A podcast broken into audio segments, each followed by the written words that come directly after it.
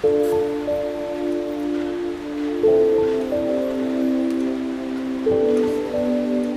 ိုင်ငံဟာစစ်အာဏာသိမ်းခံရပြီးနောက်ပိုင်းစီးပွားရေးတောက်လျှောက်ကျဆင်းနေပါတယ်။ကမ္ဘာဘဏ်ကမြန်မာပြည်နဲ့ပတ်သက်ပြီးစောင့်ကြည့်ထုတ်ပြန်ထားတဲ့ကိန်းဂဏန်းတွေဟာဒါကိုသက်သေပြနေပါတယ်။ဒါပေမဲ့လည်းစစ်အုပ်စုကတော့ဒီကိန်းဂဏန်းတွေကိုကြောခိုင်းထားဆဲဖြစ်ပါတယ်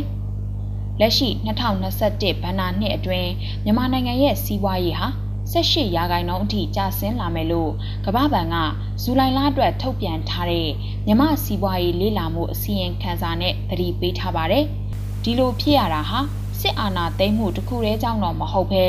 ဇွန်နဲ့ဇူလိုင်လအတွင်းဖြစ်ပွားခဲ့တဲ့ကိုဗစ်တတိယလှိုင်းကြောင့်စီးပွားရေးထိခိုက်မှုတို့ပေါင်းဆက်သွားတာကြောင့်ဖြစ်ပါတယ်။ဒီပမာဏဟာ ကိုဗစ်ကူးစက်မှုနဲ့အာဏာသိမ်းမှုတို့သာမရှိခဲ့ရင်ရှိရမယ့်နိုင်ငံစီးပွားရေးပမာဏထက်30ရာခိုင်နှုန်းကျုံသွားတဲ့သဘောဖြစ်ပါတယ်။ဒီလိုစီးပွားရေးကျဆင်းမှုနဲ့အတူအလောက်ကင်မဲမှုတွေလည်းတပါတည်းလိုမြင့်တက်လာမှာဖြစ်ပြီးအလောက်ကင်တသန်းလောက်ထိခိုက်နိုင်ပြီးဒီပမာဏဟာစုစုပေါင်းအလောက်ကင်နေရရဲ့၄ကနေ9ရာခိုင်နှုန်းအထိရှိပါတယ်။အလောက်လက်မဲ့ဖြစ်မှုတွေမြင့်တက်လာမှုနည်းတူ စင်ရဲမွဲတည်မှုမြင်မာမှုကိုအားကောင်းစေပြီးစင်ရဲနွမ်းပါတဲ့သူတွေဟာပိုပြီးထိခိုက်ကုန်မှာဖြစ်တယ်လို့ကမ္ဘာ့ဘဏ်ကသတိပေးထားပါတယ်။စင်ရဲမှုမြင့်အောင်ရောက်မဲ့သူတွေဟာ2022မှာဆိုရင် COVID-19 မဖြစ်ခင်ကာလကရှိခဲ့တဲ့ပမာဏထက်နှစ်ဆကျော်အထိရှိလာနိုင်တယ်လို့သတိပေးထားပါတယ်။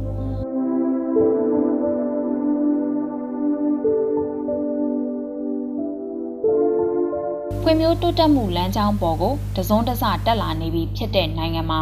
ကိုဗစ်ကြောင့်စီးပွားရေးတက်နေချိန်စစ်အုပ်စုကအာဏာသိမ်းလိုက်ချိန်မှာတက်ရောက်မှုတွေပိုပြီးပြင်းထန်လာပါတယ်။စစ်အုပ်စုကစီးပွားရေးလေပတ်မှုကိုအားကောင်းစေတဲ့ပုဂ္ဂလိကဗန်လုပ်ငန်းတွေကိုထိန်းချုပ်တာဒီနောက်ဆက်တွဲငွေသားစီးဆင်းမှုတန့်ကုန်တာဒီကတဆင့်ပုံမှန်မဟုတ်တဲ့ငွေသားပေးချေမှုပုံစံတွေဖြစ်လာခဲ့ပါတယ်။ တစ်ဖက်မှာလည်းလောင်စာစီဈေးနှုန်းမြင့်တက်လာပြီးကုန်သွယ်မှုကျဆင်းလာတာငကိုကလေးကပြပသွင်းကုန်ကိုအားကိုးနေရတဲ့အချိန်မှာပဲအဲ့ဒီသွင်းကုန်တွေဈေးမြင့်တက်လာတာတွေကနိုင်ငံစီးပွားရေးအပေါ်ကိုပြင်းပြင်းထန်ထန်တက်ရောက်မှုရှိခဲ့ပါတယ်။တစ်ဖက်မှာလည်းအာဏာသိမ်းမှုကြောင့်ပြည်ပကဝင်နေတဲ့ဖွံ့ဖြိုးရေးဆိုင်ရာအကူအညီတွေရပ်ဆိုင်းခံရတာ။ ပြည်ပကလာရောက်ပြီးရင်းနှီးမြှုပ်နှံတဲ့ကုမ္ပဏီတွေထွက်သွားတာကစီးပွားရေးပေါ်ထိခိုက်စေခဲ့ပါတယ်။အဲ့ဒီနည်းတူရှီရင်ဆွဲနိုင်ငံခြားရင်းနှီးမြှုပ်နှံမှုနဲ့စက်ယုံအလုပ်ယုံတွေရပ်ဆိုင်းကုန်တာတတိဝလံလိုဈေးကွက်တွေမှာပြည်ပကအမှားစားတွေရက်ကုန်တာတွေဇက်တိုက်ဖြစ်လာခဲ့ပါတယ်။တတိဝလံလိုဈေးကွက်ဟာငကိုကတရုတ်နိုင်ငံတစ်ခုတည်းကိုပဲအားကိုးနေခဲ့ရပေမဲ့ အမျိုးသားဒီမိုကရေစီအဖွဲ့ချုပ် NLD အစိုးရလက်ထက်မှာ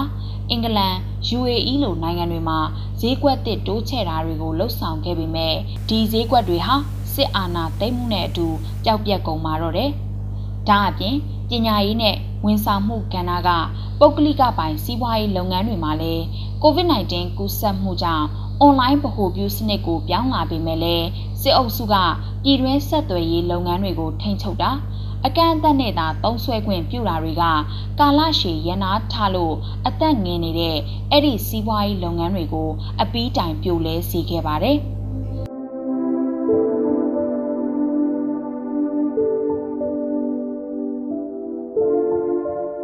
စစ်အုပ်စုအာဏာသိမ်းမှုနောက်ဆက်တွဲမိုးပြန်ပူပေါင်းလိုတရှိန်တိုးထိုးတက်လာတာကတော့ဒေါ်လာဈေးနှုန်းဖြစ်ပါတယ်။ ဒေါ်လာဈေးဟာ10နှစ်ကျော်အတွင်းအမြင့်ဆုံးဖြစ်နေတာပါ။ပို့ကုန်မရှိဘဲသွင်းကုန်ပဲလှိမ့်သွင်းနေရတဲ့အတွက်ဒေါ်လာလိုအပ်ချက်မြင့်မားနေတာ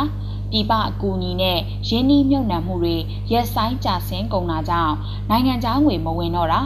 COVID-19 ကူးစက်မြန်ရောဂါအတွက်ဆေးဝါးနဲ့ကုသရေးပစ္စည်းတွေအသေးအတန်တင်သွင်းနေတာတွေကဒေါ်လာဈေးပြန်ကျဖို့အတွက်မဖြစ်နိုင်အောင်တားဆီးနေပြီးအာဏာမသိမ်းခင်ကဒေါ်လာကို1300ကျော်သာဈေးပေါက်ခဲ့ပါတယ်။မြန်မာကျပ်ငွေတန်ဖိုးဟာ စစ်အာဏာသိမ်းထားတဲ့9လကျော်အတွင်း28ရာခိုင်နှုန်းကျော်အထိတန်ဖိုးကျဆင်းလာနေပြီးဈေးကွက်ဝယ်လိုအားကောင်းနေမှုကဒေါ်လာဈေးမာနေစေခဲ့တယ်လို့ပြည်ပမှာလည်းနှုံးရှင်အနေထားနဲ့သာအယောင်းဝယ်ပြုလုပ်ကုန်တဲ့အထိဖြစ်လာခဲ့ပါတယ်။ ဒါအပြင်ဒေါ်လာဈေးမြင့်တက်မှုကို ထိန်းချုပ်ဖို့စစ်အုပ်စုလက်အောက်ခံဗဟိုဘဏ်ကဈေးကစားသူတွေကို တားဆီးဖို့လုပ်နေပေမဲ့လည်းပြင်ပမှာတော့အခုအချိန်ထိဒေါ်လာကို2000ဝန်းကျင်နဲ့အယောင်းဝယ်လုပ်နေကြဆဲဖြစ်ပါတယ်။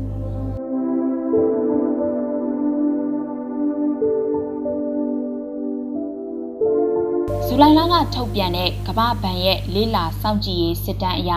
မြန်မာနိုင်ငံရဲ့ငွေကြေးဖောင်းပွားမှုနှုန်းဟာ600ခိုင်နှုန်းအထိရှိနေပြီးနောက်6လအတွင်းမှာတိတိတသာမြင့်တက်လာနိုင်တယ်လို့ခန့်မှန်းထားပါတယ်။တနည်းပြောရရင်နေထိုင်မှုကုန်ကျစရိတ်တွေမြင့်တက်ထက်မြင့်လာပြီးဘဏ်တွေတဲကစုဆောင်းငွေတွေတန်မိုးကျတဲ့ထက်ကျလာတော့မယ်လို့ဆိုလိုခြင်းပဲဖြစ်ပါတယ်။ ဒါတောင်စစ်အာဏာသိမ်းပြီးနောက်ပိုင်းစီးပွားရေးကျဆင်းမှုနဲ့အတူဝယ်လိုအားကျနေခြင်းက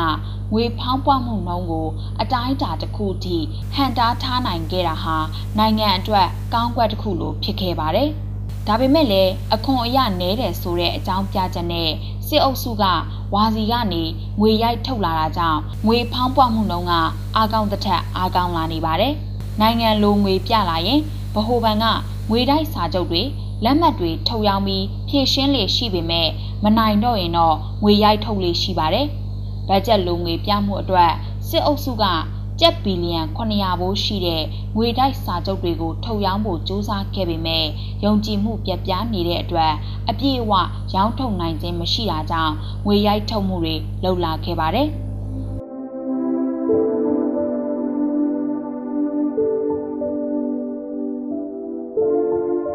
စစ်အုပ်စုအာဏာသိမ်းပြီးနောက်ပိုင်းစီးပွားရေးဈေးကွက်ထဲလဲပတ်နေတဲ့ငွေကြေးတချို့ဈေးကွက်ထဲကနေအပီးထွက်သွားပါပြီ။အဲ့ဒါကစစ်အုပ်စုကိုတော်လှန်နေတဲ့အင်အားစုတွေ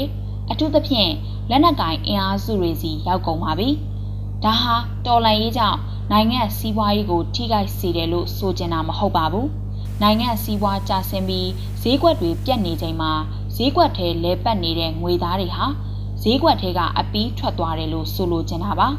တော်လန်ရေးနဲ့နိုင်ငံစီးပွားရေးအခြေအနေကိုတီးခြားစီခွဲမြင်စေချင်တာဖြစ်ပါတယ်တော်လန်ရေးလုပ်ငန်းတွေအတွက်စီးထွက်သွားတဲ့ငွေကြေးတွေဟာတရားဝင်ဈေးကွက်ထဲထက်တရားမဝင်ဈေးကွက်ကိုစီးဆင်းသွားမှာဖြစ်ပါတယ်တော်လန်ရေးအတွက်လိုအပ်တဲ့လက်နက်ရိတ်ခါအသုံးအဆောင်တွေကိုတရားဝင်ဈေးကွက်မှာဝယ်လို့မရပါဘူး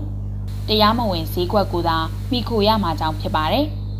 နောက်ပြီးဒီတော်လန်ရေးအတွက်သွားနေတဲ့ငွေကြေးစည်းစိမ်မှုကိုကန့်သက်ချင်တာကြောင့်ပဲစစ်အုပ်စုနဲ့ဗဟိုဘဏ်ကဘဏ်လုပ်ငန်းတွေအပြင်တခြားသောငွေစည်းစိမ်ရာလမ်းကြောင်းမှန်သမျှကိုဖျက်တောက်ရင်းနဲ့ပဲနိုင်ငံစီးပွားလဲပတ်မှုကိုပိုပြီးအထိနာစေပါတယ်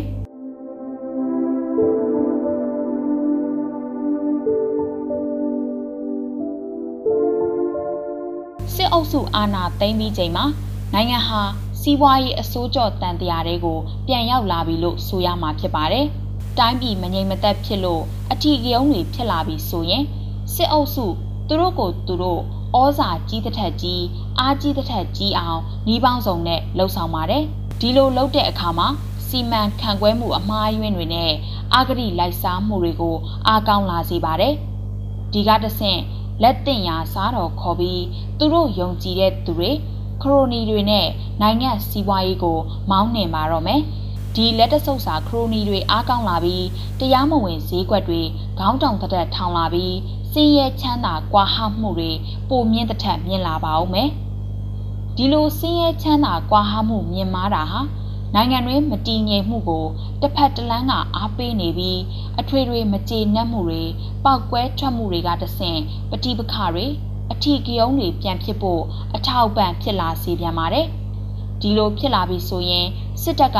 အာဏာသိမ်းတာပြန်လို့ဩဇာကြီးအောင်အင်အားကြီးအောင်ပြန်လုပ်ပါတော့တယ်။ဒါဟာနိုင်ငံစီးပွားရေးထိခိုက်စေမှုအတွက်အစိုးကြော်တန်တရားကြီးပဲဖြစ်ပါတယ်။လက်ရှိဖြစ်နေတဲ့နိုင်ငံရေးမပြေလည်မှုဟာစင်ရဲချမ်းသာကွာဟမှုကြောင့်မဟုတ်ပေမဲ့ စစ်အုပ်စုဟာဒီတန်တရားတွေကိုရဲရဲကြီးဆင်းဖို့ပြင်ဆင်ထားပြီးပြီလို့သုံးသပ်ရမှာဖြစ်ပါတယ်။စစ်အုပ်စုဟာလက်နက်နဲ့အာဏာသိမ်းမိချိန်တိုင်းမှာနိုင်ငံစီးပွားပျက်စီးစေမဲ့ဒီတန်တရားဆက်ဝန်းကိုတိဆောက်လေရှိပါတယ်။ဒီအစိုးကြော်ဆက်ဝန်းကထွက်နိုင်ပြီးနိုင်ငံစီးပွားရေးလည်းပြန်နလန်ထူလူမှုလည်းစင်ရဲအတွင်းကလွတ်ဖို့အတွက်စစ်အုပ်စုအာဏာသိမ်းထားမှုကိုမြန်မြန်ဇက်သိမ်းအောင်လှုံ့ဆော်ရပါတော့မယ်။ ဒီလိုမှမဟုတ်ရင်နိုင်ငံစီးပွားရေးဟာရှေ့ကာလတွေမှာပိုဆိုးတစ်ထက်ဆိုးလာမှာဖြစ်တာကြောင့်ပဲဖြစ်ပါတယ်။